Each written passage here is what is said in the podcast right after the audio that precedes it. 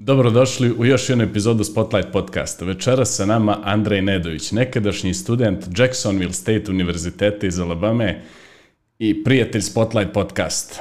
Andrej, konačno, dobrodošao u Spotlight podcast. Dobro večer, bolje vas našao. Reci mi, molim te, ovaj, kako je krenuo tvoj neki akademski put? Ti si e, kao učenik gimnazije Slobodan Škerović u Podgorici, sad sam shvatio B smjena, ali tako? Tako je, tako je, B, čuvena B smjena. E, I E-modelenje. I E-modelenje, jeste, prirodmatični znači, smjer. Ja, ja sam bio modelenje, ali sam par E, godina ispred tebe. Reci, molim te, kako, kako su prošle te neke godine u Podgoričkoj gimnaziji? Ajde ako da kažem, to je bilo davno, davno. E, e, kad kažem davno, davno, to je naravno za ove mlađe generacije bilo davno, za nas možda i, i skorije, ali gimnazije za mene je bilo jedno, jedno divno iskustvo. Prije svega iz razloga što je to bi, ajde kažem, jedan korak e, u odrastanju, korak dalje i gimnazija, Podgorička gimnazija kao škola koja je ovako možda i na neki način i a, bila a, posebna, pogotovo u tom načinu jer je bilo mnogo, dosta velika. Jedna najstarija gimnazija i tradicije je bilo tu i naravno uvijek je i samo a, sami profesori su te, težili da, da prenesu što više znanja i da imaju malo oštrije, oštrije kriterijume. Yes. Tako da je to iskustvo po mene bilo super, naravno bilo je tu i druženja i M je prirodno-matematički smjer. prirodno-matematički smjer, što danas ja mislim da više nema prirodno-matematičkog Ne, ne, smjera, opšti sad je smjerovi. opšti, smjerovi, tako da je e, i to bio jedan dodatni izazov i za sve nas i jedno posebno iskustvo koje po meni od današnje generacije nema ih. Reci, molim te, jeli svi pamtimo ono, jeli, basketi za gimnazije, tada nisu bili ni baloni, pa je onda bilo na pržina gore, ovaj, strava je bila samo sa strane, malo na, na onom futbolskom terenu. To su stvarno bili neki priceless momenti. Jeste, bilo je basket i futbal iza, naravno. Tako. Tada su bili čuveni turniri u futbalu, joj, sad kad se sjetim, sad si me napomenuo, mi smo kao prve godine, mi smo bili, ja mislim, drugi na turniru, što je za, za, u tom trenutku kao prvi rade srednje škole da bude u finalu e, turnira. Igra sa četvrtim, sa seniorima. sa seniorima se igralo i naravno bili smo najmlađi i to ako bilo iznenađenje za sve, ali mi smo bili jako uzbuđeni i za 2011. to bilo kao da smo ili svetsko, osvojili svetsko prvenstvo u futbalu. Kad možeš ti da negdje e, spoznaš, trejsuješ unazad u vremenu, prvi moment kad si počeo da razmišljaš o studijama, o inostranstvu i kako baš Amerika, kako si suzio te neke opcije? Hajde ovako da budem iskren i pošto naravno i gledalci ovog podcasta su relativno a, mladi ljudi, njima je potrebno prema nje da budemo iskreni. Tako, Tako da je. i oni imaju taj osjećaj da ono što štušaju i, i, i gledaju da možda se poistovijete neđe, neđe sa nama. Ja moram budem baš iskren. Ta neka moja želja da, da, da idem vani je bila čak od malih nogu. I to prije svega iz razloga jer sam kao osoba bio dosta aktivan i bio sam uključen u raznovrsnim organizacijama. Prije svega a, od neđe petog osnovane bio sam uključen u organizaciju Save the Children, koje je u tom trenutku e, bilo u Podgorici, e, koje je bilo pod otkriljem Britanske ambasade, ako se dobro sjećam, i oni su radili dosta radionica na teritoriji Crne Gore, posebno organizovali kampove e, gdje bi radili na međuverskim, međunacionalnim odnosima. I ajde kažem kao dijete koje je porijeklom sa sjevera, koji sam dosta vremena provodio u svoje raspuste na, kod babe i djeda na, na selo, a, i naravno dosta vremena provodio u Podgorici, ipak nisam imao toliko, a i tad su bili malo izuzovnija vremena, nisam imao prilike baš da putujem u različite krajeve Crne Gore. Možda ovako malo smiješno zvuči, ali tad je, tad je to bilo tako. A onda sam kroz Save the Children dobio tu priliku da idem na razne kampove gdje bi dolazile djece različitih gradova i gdje bi upoznavali različite prije svega i vjere i nacije u samom Crnoj Gori, Crna Gora koja je mala država, ali svaki grad je sebe poseban. Tako da sam imao priliku kao relativno mlada osoba, četvrti osnovne, možda je bilo to jer nije, ne mogu sada se sjetim tačno, bilo je davno, ali tu se po mene javila ta želja da u stvari želim da vidim kako ostatak svijeta izgleda, kako funkcioniše, šta je, šta je to negdje drugo. Onda sam kao, kao, kao mlađi često znao da kad bi se posvađao sa roditeljima, kad su to bili butovnički ti dani, da zaprijetim utići ću u Ameriku jednog dana. Znaš, to je bilo još Vidjet ćete vi. E, vidjet ćete vi. To je bilo još osnovna škola. Tako, naravno, moje nisu to uzimali zozbiljno, međutim, već kad je krenula srednja škola, ja to interesovanje srednje se povećalo i da sam baš izrazio želju da četvrti srednje odem i završim u Ameriku prije svega da učim engleski jezik. To je bio, ja kažem, neki prvi cilj. I stalo istorija, što bi se reklo. Tako je, pod uticajem američkih filmova, college filmova, sporta, košarka, hip-hop tada, to su neke kraj 90. 2000 početak 2000. Mogu samo da zamislim koliko je tu samo bilo izazova i magneta koji su te vukli u Sjevernu Ameriku. A, pa tako je, tu je bilo sad ono, svi smo stajali budi do 3 ujutru da gledamo neki box meč ili da gledamo Sacramento neki NBA, Kings. ili neki NBA utakmicu, neku. NBA utakmicu, ono, obodrili smo sve ljude s naših prostora, tako da samo je to uticalo na, na, ne samo na mene, nego na dosta, evo i na tebe prije svega i na dosta naših a, mladih sugrađana, da vide u stvari iz prve ruke kako to izgleda. A u to datom trenutku bilo je Uh, bilo je veoma izazovno doći do pravih informacija, stvari da nekoga pitate kako u Ameriku, nego je baš su se samo hrabri, oni baš hrabri odlučivali na, na, na taj potez, jer bukvalno idete u nepoznato, idete kao četvrti srednje, išli ste na razmjenu u, u porodicu kod nekoga kog nikog nikad vidjeli niste, tad nije bilo Skype-a, nije bilo ničega. Na 8 znači, sati leta u jednom smjeru, ne možeš baš kući da Tako je. dođeš kad ti se prohtije. Tako je, bilo je ono, bukvalno vidite familiju na, na, na, u nekoj aplikaciji, njihova slika, nešto o njima i to je to. Ni, čak ni telefonom se ja mislim da nismo čuli, nego eto, odlučili ste, idemo i pa što bude. Skype je bio u začecima tada. Tako. Skype ah, nije bio ni u začecima tad kad sam ja išao, nego tad nije bilo ni pametnih telefona. Da, da. Tad je te godine One kad sam ja... kartice su se kupovale Tako za je, long kartice, distance calling calls. card, calling Da, card, calling. koji, koji su bile jako izazovne i za korištenje i yes. bio su relativno dosta skupe. MySpace je počeo te godine. MySpace. MySpace je, to je bilo prvo, to je počelo te godine 2005. kad sam ja otišao. I to je ono, ali bio je samo u Ameriku, nije, nije imao nikog kod nas, je. tako da Vibera, Skype, ovoga, Whatsappa naravno, svih ništa. ovih eh, društvenih mreža uopšte nije bilo. Ništa, ništa. Tako da idete baš da, da osjetite pravu Ameriku. Ja sam čak otišao jedan ruralni dio Amerike koji, ono, koji nema na, na, na filmovima, nema New Yorka, nema downtowna, nego vi ste bukvalno, što bi mi rekli kod nas, na selo. Middle of nowhere. Tako je. Reci mi, molim te, ovaj, e, kako si tada je li pretraživao te informacije, od koga si generisao najveću pomoć, kako si se odlučio, ovaj, provuci nas malo kroz taj, taj neki proces. Kratko. Ajde ovako, ajde taj četvrti srednje uh, uh, bio mi je malo lakše za, za, za izabrati, jer uh, sam imao jednog druga koji je isto odlučio da ide. Tako Obično da tako i bilo, e, zato ti pitam. E, bili smo ja i on zajedno, pa ajde kao kuražili smo na drugog. Ajmo, bit će to dobro, bit ćemo blizu, bit ćemo, moćemo se čujemo da se vidimo.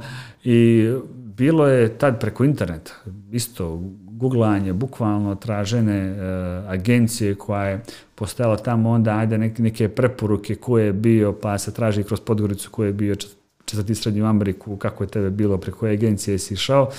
I eto, ja sam imao tu sreću da sam uh, uspio da sam zna da bi jedan dalji rođak uh, pošao godinu dana prije mene. Uh, čuo sam se sa njim, on je preporučio agenciju i eto, tako, tako smo se odlučili. Baš ovako dosta izazovno, ali bilo je baš samo preko preporuke. Nije, nije bilo nekih drugih kanala pronalaženja u tom datom trenutku. Znači, četvrti srednje je bio tamo, nakon čega si vjerovatno se vratio ponovo u Crnu Goru. Tako je, vratio sam se i, i nisam imao u planu da, da studiram u Ameriku. Mm. Znači, upisao sam ekonomski fakultet u Podgorici i jedno, jedno jutro sam se probudio, bukvalno bilo je jul mjesec i jun, čak ja ne znam koji je bio, ali probudio sam se i samo sam zapitao sebe zašto ja ne, ne bih otišao da studiram u Ameriku. Zašto ne? A, I u tom trenutku, naravno, sad ćemo malo da zvuči ovako malo nevjerovatno, ali popričao sam sa roditeljima, a, oni su rekli, ok, nije problem, ako ti želiš, a, to je to. A, onda su krenuli, e, krenulo masovna istraživanja sa moje strane, gdje, što, kako, koliko, gdje. Ja, I vjerujte mi da, da je baš bilo teško doći do informacija, vrlo, vrlo teško. A, uspio sam da dođem ponovno do informacija preko srednje škole gdje sam bio, sam kontaktirao ljude i one su mi ajde poslale nešto od informacija od fakulteta koji su u njihovoj blizini. A, naravno, a, u Americi postoje koleđi i postoje univerziteti. Koleđi su dvogodišnji, oni su nešto ekvivalentno višoj školi kod nas, college. e, community college, to je nešto slično kao kod nas kad je bila viša škola koja je trajala dvije godine, nakon čega vi dobijate diplomu. Imate univerzitete koji su četvrgodišnji i obično univerziteti su e, duplo skuplji nego community college. I naravno, svim tim informacijama kod mojih roditelja, prva stvar, naravno, pošto sam već zakasnio za stipendije, znači to je već bilo kasno za stipendije, morao sam da finansiram taj prvi semestar, odnosno prvu godinu, Uh, sa svim uh, iznosima pred moje roditelje. Moji roditelji su rekli, ako skromno sine, ono, kao, to je baš dosta novca, mi ne možemo tako relativno to brzo da izdvojimo. Uh, I dobro. Radi I, se o kojoj godini otprilike? 2006. Znači 2006. ljeto 2006. I ajde, ok, nisam odustao, nastavio sam da tražim informacije i tada sam on išao na community college koji su duplo jeftiniji i tad je bio neđe semestar oko 10.000 uh, dolara za, za, za 12 sati uh, za 12 sati, odnosno za četiri predmeta. I ja sam rekao roditeljima, ok, imam, našao sam opciju 10.000 eura. I ajde, moj otac je baš vidio da je ta želja kod mene bila ogromna, on je rekao, sine, dignut ćemo kredit, platit ćemo ti prvi semestar a, i da se vratiš nakon toga, makar si pokušao. I, I stvarno, tako je bilo, nije tu bilo 10.000, bilo tu još i za kartu i za sve ostalo, tako da je to bilo ne- nešto veći iznos od toga i tako sam otišao prve godine, znači, bukvalno na community college uz kredit roditelja, otišao sam i e, sa ciljem da nađem posao, da radim i da nastavim da plaćam svoje studije i da naravno da vratim ovaj kredit otac, e, da, da mu pomognem da vrati kredit otac što je uzeo. Tako da je u tom datom trenutku e, bilo veoma, veoma izazovno i, i za mene lično e, tad je bilo potpuno totalno uzbuđenje, ono, nisam bio svjestan svih tih nekih stvari, ali valjda kako ste mlađi, e, manje valjda mislite da rizikujete, manje vas je strah, tako da mnogo odlučnije pokrećete u neke, u neke stvari. A, taj prvi semestar sam platio, našao sam posao, a, platio sam drugi semestar i sve tako dalje. A u jednim, jednom trenutku kad sam prelazio na univerzitet e, imao sam određene stipendije, ali ponovno to nije pokrivalo full tuition, već sam isključivo dominantno radio i tako plaćao a, sebe u školu. Ono što je bilo interesantno, ajde taj prvi semestar, e, igrao sam košarku u Crnu Goru, ni, ni, nikad nisam ništa radio, bukvalno, osim pomagao roditeljima i, i babi djedu na selu oko tih nekih osnovnih stvari, ali nikad nisam radio neki posao. I ajde, šta može jedan uh, uh, student da radi, naravno da radi u restoranu. I tako sam počeo da radim u restoranu, niti sam znao kako se nosi tacna, niti ništa, ništa nisam znao i sećam se svojih prvih deset dana, pa polomio sam tanjira i čaša više nego što sam para zaradio, znači to je, to je Sve je to uredno gazda restorana odbio od bakšiša i Tako je, tako je. tako da. Tako je, tako da je- mislio sam da, da, da ja ne mogu da, da, da, da odradim to, da u stvari radim, plaćam sebe školu, jer sam vidio da to u stvari nije za mene i kako sam bio eto, loš radnik po znacima navoda, gazda mi nije dao dovoljno sati da radim dnevno, tako da sam jedva zarađivao da sebe plaćam te neke dnevne troškove. Međutim, kako je dolazio novembar mjesec, kako su se premali finalni ispiti na, na univerzitetu, a, tako je dominantni broj radne snage u restoranima studenti. A, oni nisu mogli da radi jer su spremali ispite, a ja sam rekao super, ja mogu da radim dan noć. Učit ću tokom večeri, tamo a, predavanja nisu obavezna, tako da sam preko dana radio, uveče sam učio i ti nekih dva i po mjeseca nisam bukvalno spavao nego sam konstantno radio kako bi uspio da platim drugi semestar, a naravno i morao sam ispite da dajem. Na kraju sam uspio, za tih dva i pol mjeseca sam bukvalno zaradio dovoljno novca da platim naredni semestar, uspio sam sve ispite da dam sa najvećim ocenama, Svaka čast. tako da, eto, u tom trenutku mislio sam da je to mi bilo palo veoma lako i mislio sam da je ovako mogu svake godine, ovo ništa nije teško. Međutim, sad iz ove perspektive, Kad reflektuješ kad sad, reflektujem, pa ili moguće sam ja to radi. to je to. tako, tako da, ako, za mene je Amerika bilo jedno veliko, veliko iskustvo. E, reci mi koji ti je bio major, koji ti je bio minor? Pa a, nisam imao minor, imao samo major, a, završio sam financije, a, osnovne studije, magistarske sam, zavr, magistarske sam završio MBA. Aha. Tako da Masters of Business Administration, Ili NBA u Americi? Godine? Jeste, jeste, jeste. Dvije godine. Dvije, dvije godine. godine. U stvari, znate kako, američke studije nisu koncipirane na, na koliko godina traje, nego imate fond Možda. časova, ljetni semestar da Ljetni imate i e, tri semestra godišnje, ne praktikuje se da se uzima ljetni semestar, već samo da se uzima jeseni i proljećni. Imate minimum, minimum broj e, fonda sati koje morate da uzmete po semestru da bi se tretirali kao full time student i na vama je da ste vi da uzimate 10 predmeta po semestru ili pet ili uzimate i ljetni i neko može završiti za tri godine. To je sad sve zavisi koliko neko može da izdrži E, koliko ispita po semestru može da izdrži. Tako da tako i za magistarske imate određeni broj uh, fond sati koju morate da, da, da završite koji bi stekli diplomu. Neko to može završiti u godinu, ali veoma teško, ali prosjek je neki osnovne studije četiri godine, magistarske dvije i doktorske studije između tri i pet. Da, da. E, sjećam se negdje bio neki zahtjev za, za, za taj ljetni semestar i e, vrlo često univerziteti ograniče na, na, na dva, na dva, ajde kažemo, kursa. E, sve preko toga, to oni računaju ljetni full time, jer ajde kažemo, e, jako veliki broj Amerikanaca radi, pogotovo ljeti, tako da se sve preko dva predmeta računa full time, čak neki ni ne dozvoljavaju, ako, ako se ja dobro sjećam. A, tako je. A, da, da bi bili redovni uh, student u Americi, uh, morate da uzmete po semestru 12 sati.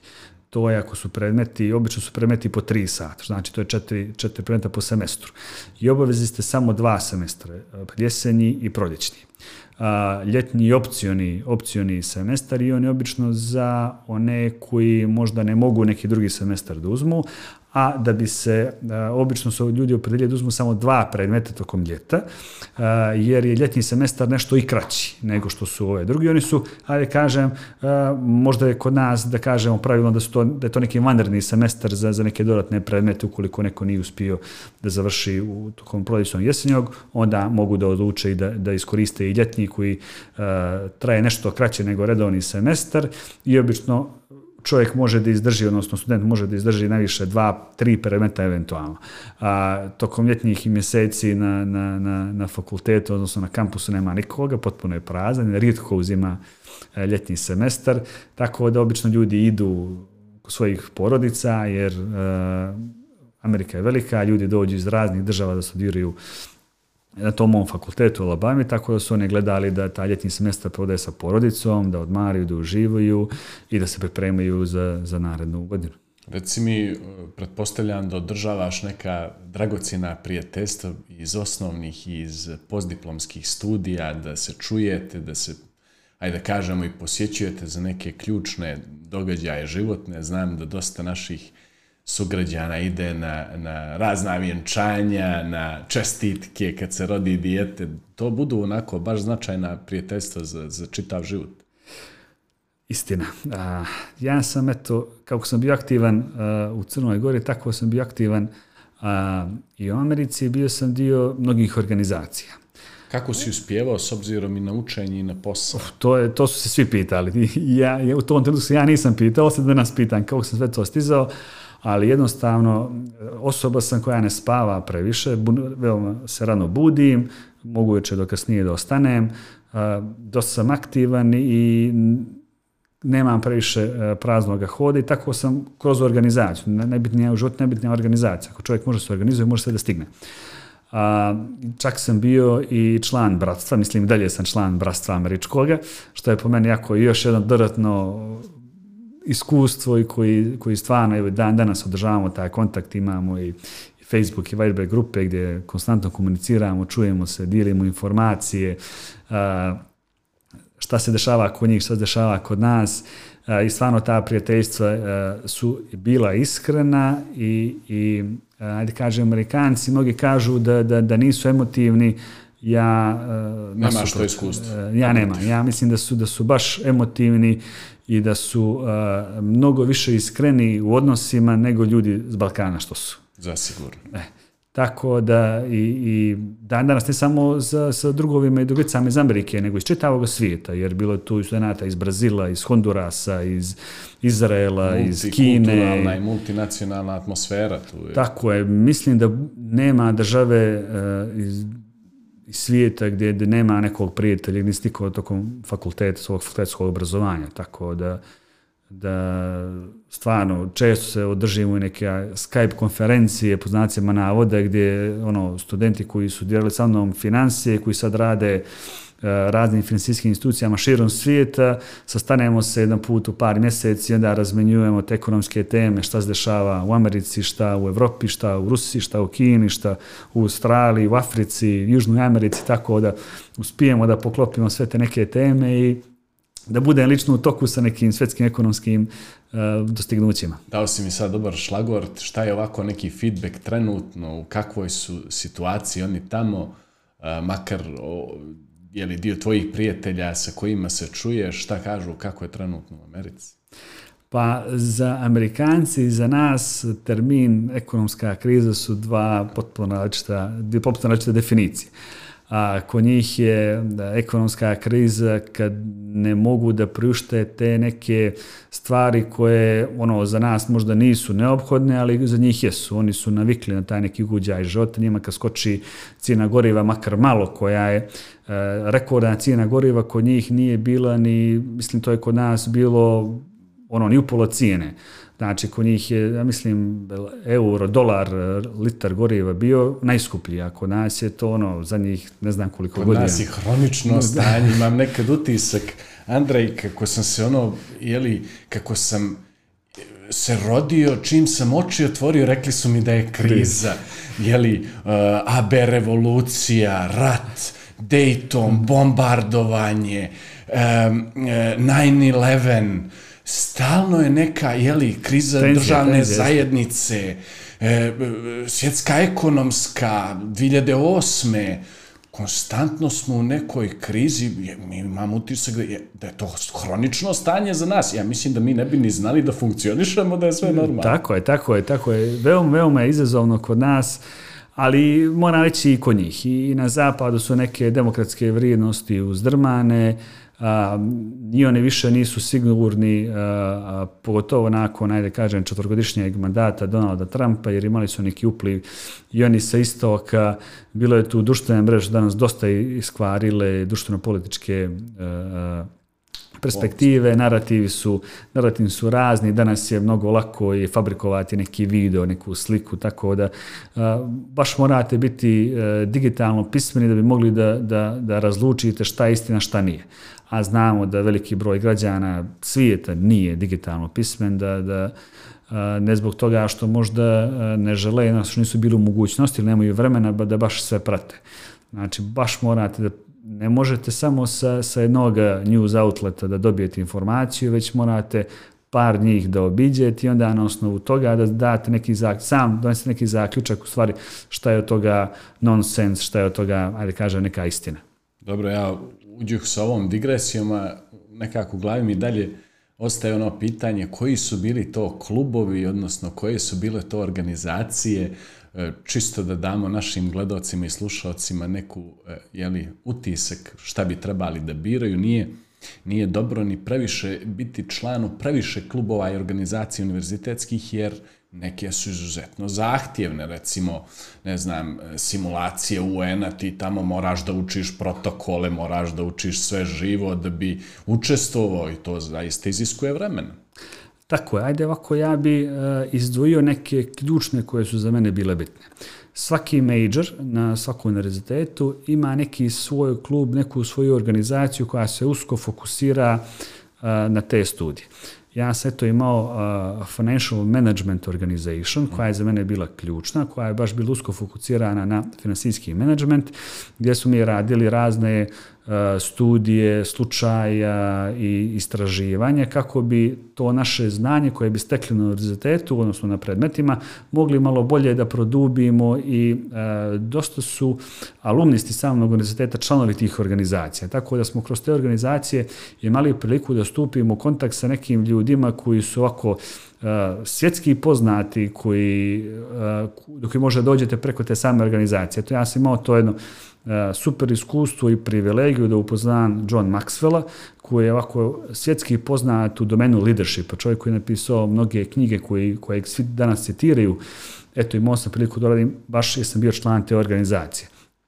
onda imate tako i niz drugih organizacija koje nisu toliko zahtevne, ali koje vam daju mogućnosti da upoznate ljude iz različitih sfera. Tako da sam bio i član ovih organizacija koji imaju filantropske uh, uh, ciljeve, djelatnosti i ciljeve, tako da uh, oni nisu, one nisu svakodnevne organizacije uh, koje imaju svoje aktivnosti svakodnevno, već uh, kad ima neki događaj, obično se organizuje prikupljanje nekih donatorskih sredstava ili radite neku društveno korisnu stvar, ali ponovo upoznate ljude iz sfera biznisa, politike, toga kraja i toga univerziteta baš kroz raz kroz tih organizacija. Tako da je to mene bio cilj da kroz te organizacije stupim u kontakt sa što više ljudi i širi taj neki svoj krug poznanika ljudi koji su bili nekim jako uticanim pozicijama, guvernera Alabame, senatora, kongresmena, tako da isti neki ljudi mi dan danas ima određene kontakte. Tako Širio da, si networking, što je ovako tako, popularno da se kaže danas. I, I to je jedna stvar što, koja, koja je veoma bitna, koja je veoma bitna i, i to su nas učili na univerzitetu. Znači, oni su nas učili da je, uh, jednostavno su na neke predmete nam uh, govorili šta je to u praksi uh, izvodljivo i šta je to bitno, na što treba se fokusiramo, kako treba sebe da unapređujemo, naravno, shodno onome koji su naši ciljevi i ambicije.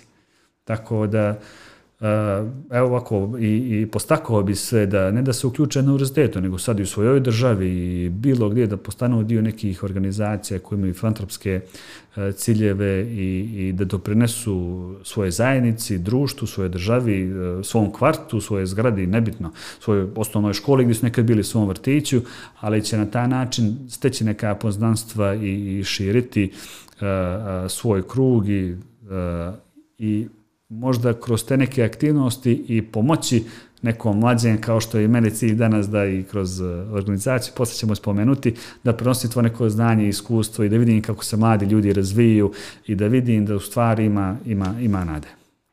Sjajno. Ovdje ćemo napraviti kratku pauzu, a nakon pauze nastavit ćemo organizaciji, nastavit ćemo o tvojim nekim daljim planovima, imat ćemo i poruku za naše gledalce.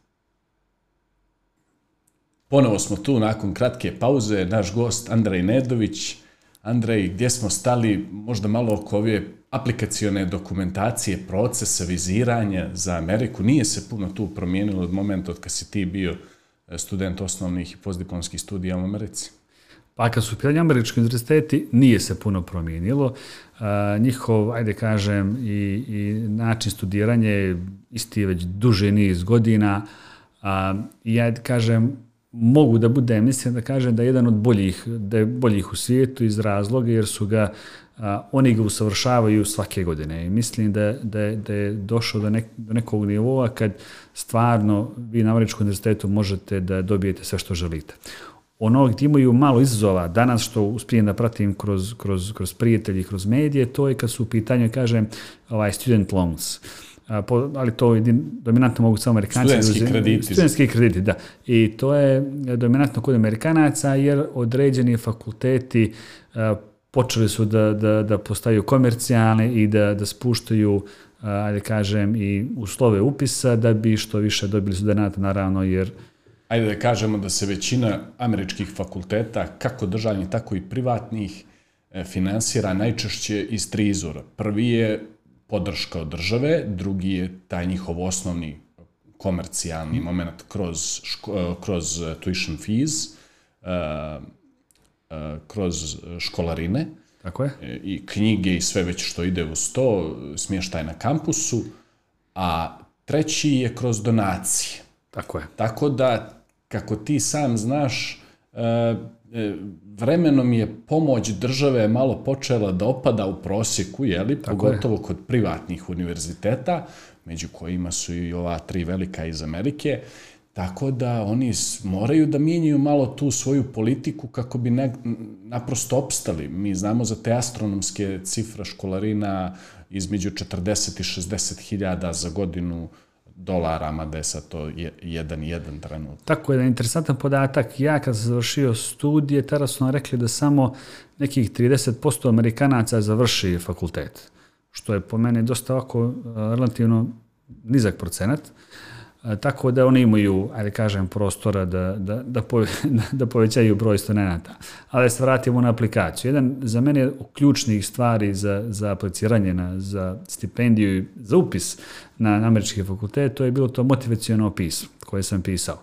I naravno pisam preporuke koji bi, koji bi se dobili od profesora ili od ljudi s kojima ste bili, ajde kažem, nekom profesionalnom kontaktu ili obrazovnom. A, to pismo preporuke, a, moje iskustvo, pošto sam završio a, osnovne studije u Americi, trebalo mi je za upis na magistarske studije, a, isključivo su pitali, pisali profesori od kojih sam to tražio. I oni se baš trudili da to napišu onako kako jeste. Uh, I onda sam pitao onoga profesora da li vi za svakome dajete, pišete ove preporuke, on je rekao ne.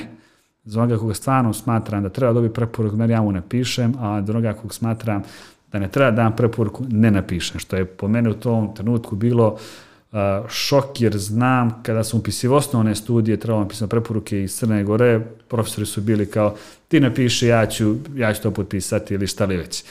Uh, tako da eto to, ta razlika između naših i američkih profesora i druga stvar koja je za mene bila ključna, to je to motivacijono pismo koje je u stvari i presudno da vas jedan univerzitet primi a, to pismo mora da bude krajnje iskreno. I, i a, a, profesori, odnosno ljudi koji čitaju ta motivacijana pisma su obučeni da vide kroz, što bi rekli amerikanci, bullshit. Znači, to pismo baš mora bude iskreno i oni na taj način odlučuju da li ste vi a, akademski građani koji zaslužuju da pišu njihov fakultet. Jer u Ameriku nema prepisivanja kao to što je kod nas bilo poznato u, u srednjoj školi, već Čak si imao jednu, jednu priliku kad sam uh, imao druga pored sebe i ja sam završio svoj test i kao ono, htio da mu dan da malo prepiše od mene, on je rekao ne, ne, ne, ne, I nije, nije htio od mene da pre, prepiše, što je u tom trenutku za mene isto bio šok. Naravno, posle toga testa pitao sam ga kao ono, zašto nisi, ono, treba, trebalo mu je. Kaže, ne, ne, ja što znam, znam, ono, ne želim da, da, da, da prepisujem. I eto, oni su tako malo su etički mnogo napredniji od nas u to nekom smislu, Tako da to motivacijono pismo uvijek preporučujem našim e, mlađim sugrađanima da, da bude iskreno, kako god da je, da bude iskreno, jer e, i možda neke iskrene slabosti, oni će vidjeti da taj neko zaslužuje da unaprijedi te svoje slabosti. Tako. Ljudi iz Admissions Office ili ajde da kažemo, ljudi koji e, češljaju te aplikacije, ja volim da ih nazovem forenzičari, pogotovo u Americi, jer apsolutno su uh, e, istrenirani što praksom, eh, što teorijom da prepoznaju jeli, najmanju falinku tog motivacijonog pisma. I potpuno se slažem sa tobom, jako mi je drago da si to rekao i u ovom podcastu, da je najbitnije biti iskren. E, koliko god si svjestan nekih tvojih prednosti, mana, jeli, trenutnih limitiranosti u nekim oblastima, budi iskren, to će te Eh, odvesti do pravog cilja. Ako previše šminkaš, oni će to sigurno provaliti. Mm, evo da budem sad iskren, eh, moje motivacijono pismo je bilo tako da dolazim iz male, iz male države eh, gdje nemamo razvijeno ništa, ne znam ništa, nisam imao mogućnosti da, da naučim ništa, mislim nije bilo baš tako, ali u prevodu da ne znam ništa, želim da naučim sve. I nisam napisao uh, nikakvu svoju vrlinu, osim da sam radan, vrijedan i stvarno da želim da iskoristim uh, tu priliku koju bi mi dali da studiram na američkom fakultetu, da, da maksimum izvučem iz toga. I eto, znači, to je bilo jedna stvar koji, koji su meni posle kad sam bio primjen, izdvojili su mi, baš su mi rekli da su ono bili oduševljeni, ne znam što, u tom trenutku se pitao čim su bili oduševljeni, ali dobro, to je bilo ključna ta iskrenost od mene, da, da stvarno želim da, da da iskoristim njihov sistem, da naučim e, dosta od njih i da se vratim u svoju državu, da doprinesem svojoj državi. To je za njih bilo ovako jako e, zacijeniti. Tako je, oni, oni su bazirali negdje apsolutno društvo i, jeli, i kroz filozofiju Aristotela i Rawlsa e, i, i Loka, oni su negdje shvatili da je iskrenost ključna i da su naprosto drakonske kazne za neiskrenosti, da ne kažem, prepisivanje, tako da u njihovom sistemu imamo algoritme koji prepoznaju takve neke šablone, zašto? Zato što profesori imaju određene, što bi oni rekli, incentives, jeli? i čuveni glagol incentivize, tako je. E, da za sve ono što oni rade i što rade dobro, za to država plaća, pa su neki univerziteti i srednje škole imali po 25.000 dolara godišnju ovaj e, godišnji bonus kad se vidi da zaista njihovi studenti ovaj e, prave iz godine u godinu uspjeh. E sad dešavalo se da e, neko to ipak želi da iskoristi, možda sa genima odavde, ovaj, i algoritam je to znao da prepoznaje, jer profesori nemaju rešenja. Nego ako moraju nešto da jeli, isprave na onom kratkom vremenskom prozoru koji imaju od momenta od kad uzmu testove dok moraju da ih pošalju, ako tu nešto isprave, to je na sobstveno znanje. Samo sam želio kažem da su kazne drakonske, tako, tako, da, tako gubitak tako posla i negdje e, na margini, si, na margini si društva, brzo se kroz Ameriku jeli, pročuje glas da si varao, što nije dobro i tako. Tako je, kod njih uh, postoji institucionalna memorija, što kod nas ne postoji. Uh, nama je uh, kratko pamćenje kada je sve u pitanju, kod njih ne. Kod njih sve ostaje zapisano na ovaj ili onaj način i uh, uvijek kada aplicirate nekom drugom univerzitetu ili za posao, prelazite se jednog poslodavca na drugog poslodavca, uh, ovaj novi poslodavac zove prethodnog poslodavca da ga pita da li je to što ste vi napisali u vašem CV-u ili to što ste napisali u vašem cover letu istina. Tako da kod njih je uh, provjera detaljna, uh, I kao što smo rekli, nema varanje, nego... Ako vas bije loš glas, bit će vas i pratiti koliko je 300 miliona u svakom ćošku Amerike. Tako je, ali i da budemo i ovako i pravedni, u, u Americi postoji druga šansa. Znači za sve. Ali e, tu drugu šansu kad dobijete, ono, baš morate se podrudite da, da, da je iskoristite. Andrej, ovo je odličan tajming u, u podcastu da malo krenemo o uh, organizaciji, o OMSI. Ti si jedan od osnivača OMSE, uh, pionira. E, Tako uh, tu si bio jako dugo i dalje si aktivan ako, ako, ako se ne varam. Možeš li malo ovaj za naše gledalce da kažeš konkretno šta je OMSA, čime se bavi, ko su članovi, uh, koji su to ciljevi organizacije, ovaj, e, e, kako funkcionišete, je tvoja prethodnica na toj stolici, e, Ivana je malo pomenula i bila član, a sad ćeš ti ovako u detalje. Pa ja ću pokušati da, da, da budem opširan, ali da ne budem dug. A, došli smo na ideju dane 2011. godine da osnujemo organizaciju crnogorskih studenta u inostranstvu iako nisam bio fizički tad u Crnoj Gori da potpišem dokumentaciju, tad se predavalo u MUP-u za registraciju organizacije, ipak sam neko ko je, ko je bio dio te inicijalne e, ideje.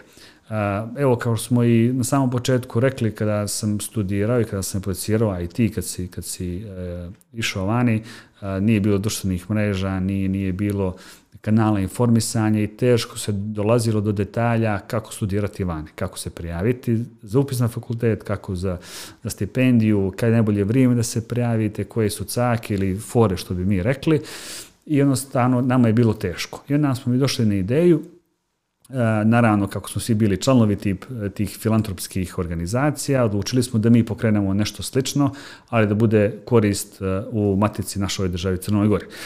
I tako smo osnovali organizaciju sa ciljem da širimo informacije o studijama u inostranstvu. Prvo je krenulo na Facebook grupa gdje smo razmjenjivali informacije e, gdje ko studira, gdje možemo da spavamo, da prespavamo kod nekoga, čisto su međusobno se pomagali.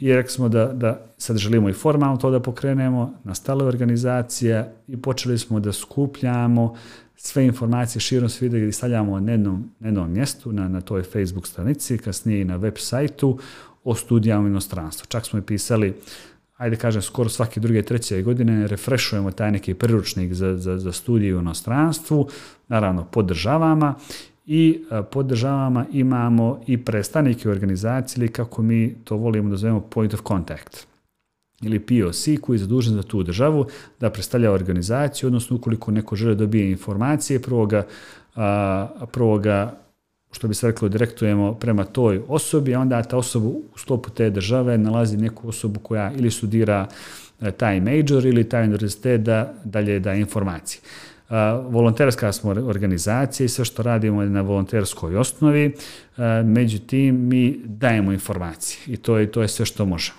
Možemo da damo neke smjernice kako popuniti neku dokumentaciju, gdje poći, koga zvati, koja je procedura i tu se, ajde kažem, sav taj neki naš volontarizam završava, jednostavno ne bi imali vremena niti mogućnosti da, da dajemo više od toga. E sad, to je bio, ajde kažem, neka inicijalni, inicijalni cilj, inicijalna faza organizacije da širimo informacije. Onda kako smo rasli kao organizacija, kako smo mi inicijalni osnivači malo starali, postojali karijerno, da kažem, zauzeti. zauzeti, tako smo krenuli da pokrećemo, odnosno da osposobljavamo mlađe generacije koje bi polako preuzimale rad organizacije i bilo izazovno. Su izrodilo neka tijela, vjerovatno. Uh, jeste, imamo, imamo. Uh, organizacija je doživljavala par puta transformaciju, da ne bi, ne bih ulazio te formalno pravne stvari, ali uh, suština je da smo uh, imali ajde kažem, određen izazov, jer kao organizacija koja je po meni jedna od najbitnijih u ovoj državi, pogotovo za nas i za društvo, organizacija koja povezuje naše mlade ljude širom svijeta. A, nažalost, nismo nišli na, na razumijevanje kako državnih institucija, tako ni privrednika. Jer volonterska smo organizacija, ali ipak zahtijevamo određeni novac da neke projekte, neke stvari realizujemo. Što nije za začuditi odmah da kažem tako da kod je. nas neka dobra inicijativa nije naišla na razumijevanje i na podršku. Pa niko možda nije imao direktne koristi od nas, već korist nas imaju društvo mladi ljudi. E, jednostavno možda tu nije se nekoga rodila želje da, da pomogne mladim ljudima. Ali bez obzira, mi smo i za to naše neko rešenje, tako smo uh, ja, par alumnista, osnivača, osnovali Visin fondaciju. Visin fondacija koja ima za cilj upravo da stipendira uh, rad organizacije, odnosno jedne osobe koja će na dvogodišnji mandat da vodi organizaciju, odnosno damo određena sredstva kako ta osoba bi bila koliko toliko financijski nezavisna, da može tokom studija da se posveti radu organizacije i upravo sad smo pokrenuli uh, tu stipendiju i mislim da je uh, rok još dva dana se prijavi svako ko je zainteresovan za, za tu stipendiju, može da posjeti naš website omsa.me, da se prijavi, koliko naravno smatra da posjeduje neke liderske sposobnosti, želi da se usavršava, da stiče neke, ajde kažem, sposobnosti da, da, koje će učitelj pomoći kod budućeg poslodavca. A, I organizacije je kroz Visin fondaciju, ajde kažem, postigla tu neku trenutnu finansijsku stabilnost koja je, kažem, ponovo limitirana, jer nam, naravno, sad iziskuje neke druge stvari, zahtije neke finansijske aktivnosti, tako da i dalje, što bi se reklo, ima, imamo tih izazova kada je to u pitanju. Bez obzira prijeljujemo se za sve projekte koje pokreće Ministarstvo sporta i mladih ili Ministarstvo prosvete, tako da svake godine imamo određenu, određene projekte da gradimo, kako mi to volimo da kažemo, mrežu mozgova. Što to znači? To znači da naši mladi koji studiraju u inostranstvu se povezuju sa mladim srednjoškolcima iz Crne Gore, koji žele da, da dobiju neke informacije o studijama u inostranstvu, jer imamo neke studije koje ne postoje u Crnoj Gori, ali neko želi da ih upiše vani, kao što nuklearna fizika i tako dalje. A, I jednostavno ne mogu doći do informacija. Mi ih povezujemo sa, sa nekim vani, direktno stvaruju kontakt i direktno šeruju informacije. To traje nekih par mjeseci gdje oni kroz niz nekih interakcija sa njima dobiju taj neki osjećaj kako stvari gledaju te studije, šta vi dobijate kad završite nuklearnu fiziku. I, I taj projekat je svake godine se dešava i mogu da kažem da, da svake godine raste broj interesenata koji, srednjoškolaca koji žele da, da dobiju informacije i da, da studiraju vani. Također imamo još jedan drugi projekat koje, koji se zove uh, radar, gdje pokušavamo da, da u parimo e, naše mlade ljude koji su završili studije u inostranstvu, radi u inostranstvu, sa mladim ljudima koji su pri kraju studija i koji bi željeli da se prijave za rad u inostranstvu. Da im prenesemo ponovo kako je, kako je taj osjećaj, odnosno šta je potrebno se prijaviti da radite vani, kako se prijavljujete, kako pišete motivacijono pismo, jer je i za to potrebno motivacijono pismo, kako je pišete CV, gdje možete se prijaviti i uvijek kažemo da, da potrebno je od 100 prijava jedna će vam se, neko će vam odgovoriti. 100 prijava, jedna će vam firma se javiti. Tako, Tako da, da obično ono ne gube, uh, uh, da kažem, ne gube nadu, već da nastave da se prijavljuju jer jednostavno najuporniji uspijevaju. Za radar nisam znao, ali mogu da ti kažem da sam jako srećen sa ovom informacijom, pogotovo u dijelu što znam da, da neki naši studenti tamo upravo zato što su preokupirani, da obavljaju svoje studentske obaveze, nisu baš pripremljeni za sljedeći moment nakon dobijanja diplome. Svaka država je različita, procedura za ostanak je drugačija, negdje ima šest mjeseci, negdje do tri godine, negdje možeš da radiš 20 sati dok studiraš, negdje punih 40, najčešće ako si EU državljanin. Tako da e, u moru tih različitih e, zahtjeva bitno je naći pravu informaciju, tako da sam jako srećen da imamo radar. Tako je. I ajde kažem, evo odmah da, da prenesem što se tiče Amerike. Amerika je tu otišla i korak dalje. A Amerika je za strane studente omogućilo pravo da se prijave na OPT. Znači, kada završite studije, imate pravo da se prijavite za, za jednogodišnju radnu vizu, da nakon završetka studija možete nađete posao u svojoj branši, da jednostavno se iskušite, da dobijete jednu godinu mogućnost da jednostavno se izbacite na tržištu rada i da pokušate naći neki stalni posao i da vidite da li je to za vas. Tako da je tu Amerika ponovno malo napredovala, dok Evropa nije. Evropa čim završite studije, to je to. E, vraćate se u vašu državu ukoliko nešto ne obezbidite prije samog završetka studija. Tako da to Amerika po meni pruža mnogo više mogućnosti nego nego ostatak svijeta. Dobro, reci mi kakav je, kakva je tvoja uloga u organizaciji danas, koliko uspijevaš da, da, da ispratiš šta se dešava? Sve manje i manje. Na, nažalost, sve manje i manje. Dosta je tu ranih, porodičnih obaveza, tako da a, gledat ću da do kraja godine bukvalno te sve moje aktivnosti svede na minimum i jer sam dugo godina bio i upravno odboru organizacije Bordu piveranika, sa sam upravno odboru i mene mandat nam istekao čak ovaj mjesec. Prvo je to formalno pravno da, da, da prenesem na neku drugu osobu i da jednostavno nastave mlad, mlađe generacije da, da upravljaju organizacijom jer, jer ovo je za njih odlična prilika da oni doprinesu za, za svoje svoje vršnjake, svoje populaciji, da, da izgrade nešto, odnosno da grade to što smo, što smo mi započeli, a kažem ponovo, smatram da je ova organizacija jedna, jedna od ključnih za našu državu i, i stvarno treba svi da se posvetimo mladim ljudima. Odlično. E, sad bih malo pomenuo čuvenu Omsinu studiju, e, do koje sam ja došao upravo preko tebe prije, evo nisam siguran, možda mjesec, dva dana. I ta studija je na fonu onoga što je već par godina u regionu uh, burning issue, što bi rekli, jel? I uh, ja mogu da posvjedočim situacijom u Srbiji, koja je izuzetno dramatična, gdje se godišnje oko 40.000 nepovratno iseli, to je grad veličine Šapca, i znamo kroz uh, jeli, prirodu djelatnosti kojom se bavimo da je veliko interesovanje za studiju u inostranstvu i ti kroz svoju, svoju ovaj organizaciju. Tako da možeš li nas malo uh, informisati o tome šta je studija i šta je ona otkrila i jeli, imamo li neke možda naznake kako da riješimo taj problem, eventualno šta bi mogla da bude neka vizija, strategije, ciljevi, u kom smjeru da razmišljamo s obzirom da je problem izuzetno veliki.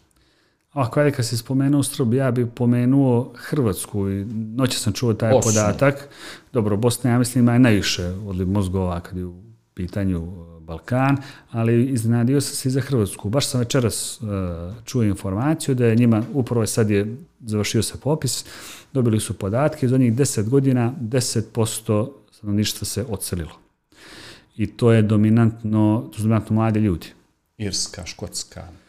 Na sve strane. Tako da uh, u Crnoj Gori je također taj jedan problem i hajde mi ga ne zovemo odliv mozgova, mi pokušavamo da, da, da taj neki izvod targetiramo način, da kažemo mreža mozgova, iz kojeg razloga bi se ću kasnije, ali ću se vratiti samo jednu činjenicu još jednu, da je Britanska ambasada radila istraživanje koje su organizacije, institucije koje se bave pitanjem odliva mozgova na Balkanu, generalno.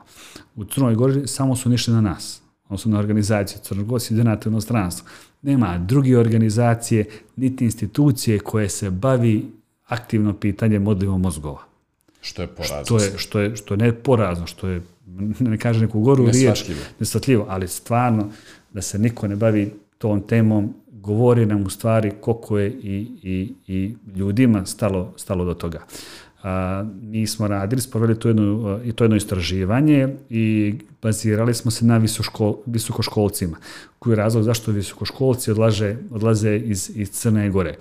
Iznadit ćete se da, da visina plate nije na prvom mjestu, nego na trećem mjestu. Znači, ni, ni visina primanja nije dominantan razlog zašto ljudi odlaze. Dominantni, odnosno prvi razlog je političko-društvena situacija u državi. Znači, neuređenost sistema, a, politička situacija koja je iz dana danas sve gora i gora. Jednostavno, mladi ljudi ne žele da se bave temama koje nam namećuju političari, mediji i određene strukture u državi, već mladi ljudi žele da žive, da uživaju, da se napređuju, da rade, da doprinose. Znači, mladi ljudi žele da doprinose svojoj državi. Jednostavno, to nisu mogućnosti ni napuštaju. Kao jedan od drugih razloga, to je, ajde kaže, nemogućnost da dođu do posla u svojoj struci i neprofesionalnost na poslu.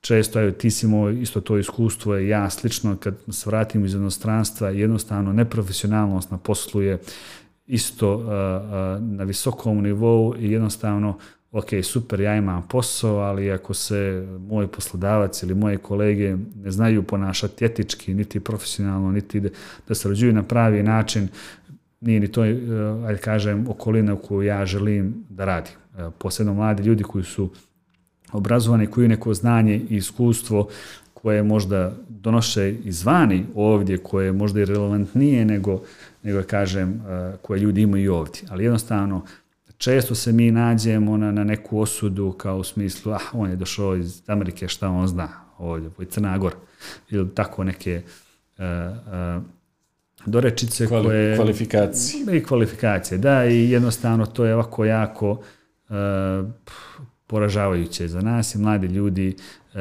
i to je drugi razlog zašto, zašto odlazi u već države, jednostavno ne mogu na profesionalan način da unapređuju sebe ne vide perspektivu, vide sa kim moraju da, da sarađuju i onda naprosto kulminira situacije.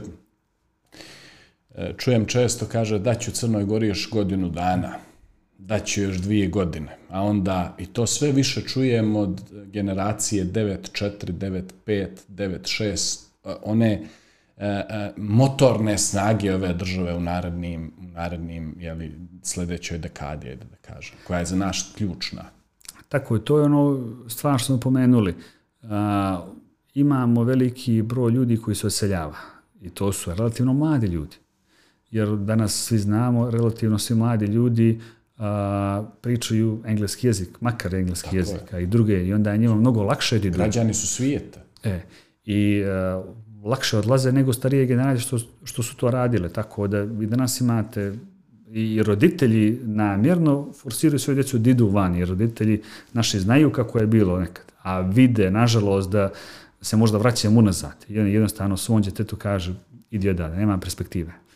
Tako da, nemamo pozitivnih iskustva. Ja lično pokušavam da budem, budem to, taj pozitivan primjer, neko ko se vratio iz Amerike ovdje i da jednostavno kažem da moramo mi da budemo ovdje, da se borimo, da nađemo način da jednim drugima pomognemo kako bi izgradili društvo koje nama odgovara u interesu svih nas. Ko će da se bori, Andrej, ako ne mi? Pa, trenutno se borimo sa vetrenjačama, ali, ali uh, Skoro, Kako? skoro, izvini, napravit ću digresiju, skoro mi je skočilo na, na, na internetu, ovaj, mislim da je bila jedan post u vidu storije na Instagramu, kaže 30.000 kupljenih diploma koje rade u sistemu, jeli, a, i, ajde da kažem, kumulativno toliko a, Eh, visokoškolaca, a, ajde da kažem, eh, bachelor diplome i srednjoškolaca koji su na birovu rada, nekih 7.000 i 20, recimo 24. Da, imali su jednom trenutku hiperprodukciju tih, ajde kažem, blažnih diploma, odnosno sa fakulteta koji nisu imali adekvatnu kreditaciju, bukvalno ste išli, potpišete se i dobijete diplomu, što je u tom trenutku, ono, možda je neko našao neko opravdanje za to, ali suština je da sad imamo u institucijama sistema ljudi koji jednostavno nemaju da kažem, tu bazu kako bi mogli da obavljaju uh, svoje funkcije.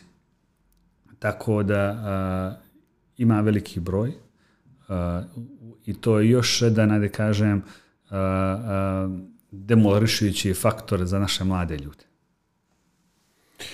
Dobro, uh, ajde da privodimo kraju. Uh, nakon kratke pauze ćemo samo nagovijestiti koje bi mogle da budu solucije ovog izuzetno velikog problema, kako za, za Crnu Goru, tako i za region. Već sam rekao da je jeli, Srbija zbog statistike koja mi je bila dostupna trenutno na nekom nivou populacije od 67. godine, ispod 7 miliona zbog iseljavanja. I možda da vidimo šta su neki tvoji planovi za budućnost i kratka poruka našim gledalcima i slušalcima. Vidimo se nakon kratke pauze. Evo nas ponovo posle kratke pauze, naš gost Andrej Nedović daće nam neke preporuke na osnovu istraživanja koje su obavili on i njegova organizacija OMSA, na čijem je dugo čelo bio, E, vezano za ovaj veliki problem o kojem smo pričali nekih unazad desetak minuta. Andrej, koje su to preporuke koje ste vi dali kroz istraživanje? Ajde, mi smo, uh, ajde da napomenem da, da je samo istraživanje kao i preporuke moguće naći na našoj web stranici omsa.me i mi smo tu napisali nekih 17 preporuka koje mi smatramo da su ključne da, a, za rešavanje ovog problema. Naravno, tu e, ne postoji sad, kaže, neki model koji smo i zasigurno će pomoći, ali ovo su neke smjernice, preporuke kako da dođemo do njih. Ja ajde kažemo, jedna, jedna od prvih stvari a, koje mi smatramo da, da je potrebno adresirati, to je da politička institucionalna posvećenost problemu. To je prvo da mi, to je prvo da mi a, kažemo da imamo taj problem. Kao što sam prije rekao da su našli iz, iz eh, britanske ambasade samo mi bavimo ovim pitanjem u državi. Znači, prvo je bitno da institucije država prepozna to kao pravi problem i da se posveti adekvatno tome. Zatim, razvoj implementacija strategija cirkulacije mozgova na nacionalnom nivou. Znači, bitno je da se napravi strategije kako da se prati cirkulacija mozgova. To je ono što mi volimo da kažemo mreža mozgova, cirkulacija mozgova, jer e, težimo da naši ljudi, naši ljudi širom svijeta koji studiraju da, ok, neko je završio nuklearnu fiziku, ne može da radi u Crnoj Gori, ali ajde neko ostane negdje vani, da ga vežemo ovdje za nas, da, da znamo da u Parizu postoji ta i ta osoba koja je završila to, da sutra mi možemo bilo kojem trenutku tu osobu da kontaktiramo za nešto. I možda ako bi se otvarala neka, neko, neki istraživački centar u Crnoj Gori da kažemo, ok, dođi kod nas. A, uspostavljanje jedinstvene baze mladih koji su emigrirali, onih koji su u riziku od emigracije. Ovo je znači, također bitno da mi napravimo registar, odnosno neki način da mogućnost mladima sa registruju, da su oni otišli vani, da dan danas ne znamo tačan broj naših koji studira vani. Mi smo pokušali, ali jednostavno nije to jednostavno i zbog finanskih nemogućnosti nismo bili e, u prilici da baš damo tačan broj. Ali je bitno da nađemo e, način da se napravi baza. I onda još jedna preporuka koji, koji, koji ja kažem, e, volim da kažem, to je bitno da se vežu naši mladi koji studiraju u inostranstvu sa našom dijasporom jer e, imamo taj izazov da na neki način pokrenemo neke aktivnosti sa našom dijasporom i našom ambasadom širom svijeta. A, napomenuo bi da svake godine organizujemo događaj u našim ambasadama širom svijeta gdje pokušamo naše mlade studente da dovedemo u našu ambasadu, da imaju mogućnost... Da su se... diplomatsko-konzularna prestaništa, su poznali s osobljem, da vide s ambasadorom, sa konzulom i, i jednostavno da znaju da, ok, uh, vi imate državu da da se oslonite sutra kom nešto treba u toj državi, znači Tako gdje nekako ne naša ambasada. A, I to je izazov, moram, moram da kažem. A, dosta, dosta broj ambasadora i konzula nisu baš, e, kaže ovako, a, a, baš akomodajući prema, prema našim studentima, već uvijek nađu neki izgovor ili to bude neko jakom Eh, neprofesionalnom nivou, ali na tome radimo. U slučaju Crne Gore, ja mislim, još uvijek je nekih 60-40 eh, da kažem, profesionalnih diplomata i ljudi koji su kao zaslužni građani postali dip, jeli, diplomatski predstavnici, konzul ili ambasadori u stranim zemljama, tako da ako neko nije prošao jeli, kurs diplomatskog konzularnog e, e, e, ispita, nije polagao, nije išao u diplomatsku Eh, Akademije ministarstva vanjskih poslova, onda je potpuno prirodno i normalno da ta osoba negdje nema spoznaju eh, eh, da, da jeli, da reaguje na takvu vašu akciju, jer možda i mora da se doedukuje za ono za što nije bila njegova profesija, tako da izazovi su razni. Ne bi ulazio u to i bi što šta da kažem, ali eto... Zadržat ćemo se. Zadržat ćemo na tome, jeste. Još neke preporuke koje bi rekli, a što smo mi inicirali, to je kreiranje fonda za stipendiranje. Mi smo po odnosno pokušavamo kroz fondaciju Visin da pokrenemo sveobuhvatnu stipendiju za naše najtalentovanije mlade ljude koji žele da studiraju vani. Imamo često naše mlade koji osvoje olimpijade iz matematike ili neko uh, visoko mjesto, pa imaju stvarno potencijala da završe neki baš prestižni univerzitet i da baš dostignu neka postignuća na svetskom nivou. I često smo vidjeli da kroz novine e, se nešto objavi. Što ne bismo pročitali ili vidjeli na dnevniku da je neko otišao, najčešće reportaža negdje sa sjevera Crne Gore, ovaj, da vidimo da imamo sjajne matematičare, fizičare, ljude koji osvajaju, mlade ljude koji osvajaju diplome već unazad par godina, upravo to što ne bismo vidjeli na dnevniku, ne bi ni znali da postoje. Tako je. I naš je cilj upravo to da kreiramo jedinstvenu stipendiju će biti uključeni privatni sektor i država i gdje ćemo da budemo istaknuti mladim ljudima, da im damo šansu da apliciraju, da baš oni najtalentovaniji jednom godišnje imaju mogućnost da studiraju vani. To je to neki makar cilj. imamo dositeja 5000 eura, ja ovdje se sjećam 2003. sam išao kod banje na šalter elektroprivrede da mi banju izbroji tu ne, e, ovaj, neku mjesečnu stipendiju koju sam e, kao jeli, stipendist elektroprivrede e, tada dobio. Pa jeste, to je, to je tako bilo. E, mi pokušavamo to da promijenimo. Nadamo se da, će, da ćemo imati sluha od raznih aktera, trudimo se, nastavit ćemo se trudimo. I još jedna stvar koju pomenu, koja se radi u Srbiji, to je program tačke povratka. Ne znam jesi li upoznat sa tim, ne? Point of Return, i to je nešto čemu ću ja da se... Oni imaju podcast, jedan vrlo sličan ovome i naše su drage kolege koje pratimo i podržavamo gdje god možemo. Eto, super. To je nešto su radili u sradnji sa UNDP-em. Ja ću pokušati lično da se posvetim kad čim organizaciju čim organizaciju stavimo, što bi se rekli, u sigurne ruke mlađim generacijama, to je druga stvar koju ću ja i neki lumise se posvetimo, a to je da kreiramo slični program tačka povreta gdje ćemo da, da, da u saradnji sa državnim institucijama kreiramo neki model da se naši, naši ljudi mladi imaju određene povlastice kako bi se vratili uh, u Crnogoru. Podcast već imamo, ali organizacija nam treba. Eto, potrudit ćemo se. E, za kraj, Andrej, neke tvoje planove ne moraš previše, samo nam reci, ovaj, ti si sad tu, e, profesionalno si i porodično vezan za Crnu Goru, konkretno za Podgoricu, ovaj, ti ja smo drugovi, ovaj, gledamo se na dnevnom nivou, ako ništa, kroz teretanu, ovaj, reci mi, koji, koji su planovi za budućnost? A, pa ajde, planovi su isti oni koji sam, koje sam sebe postavio kada sam studirao. To je da na svaki mogući način pokušam da doprinesem društvu i, i, i svojoj državi. To je da kroz rad, ajde kažem, mogu, mogu da kažem da sam uh, stekao ajde, obrazovanje koje mi dozvoljava da se bavim različitim djelatnostima, da doprinesem na različitim nivoima. E, radim sve svoje 18. godine, tako da imam radne navike i sposobnosti da mogu da radim dosta. E, osnovao sam organizaciju, odnosno dio sam osnivača organizacije koji također doprinesu, doprinesu mladim ljudima, pokušat da se uključiti neke druge sfere, da, da, da ljude okupim koji možemo kolektivno da doprinesemo kao pojedinac ili sam, to je vrlo teško. Ali gledat ću da, da, da evo i u sradnji sa tobom i, i da gledamo da kupimo mind like people, da onda nekako radimo zajedno na, na svemu ome. To je to mi neki cilj za budućnost, naravno i, i da nastavim da se usavršavam u svim ostalim sferama.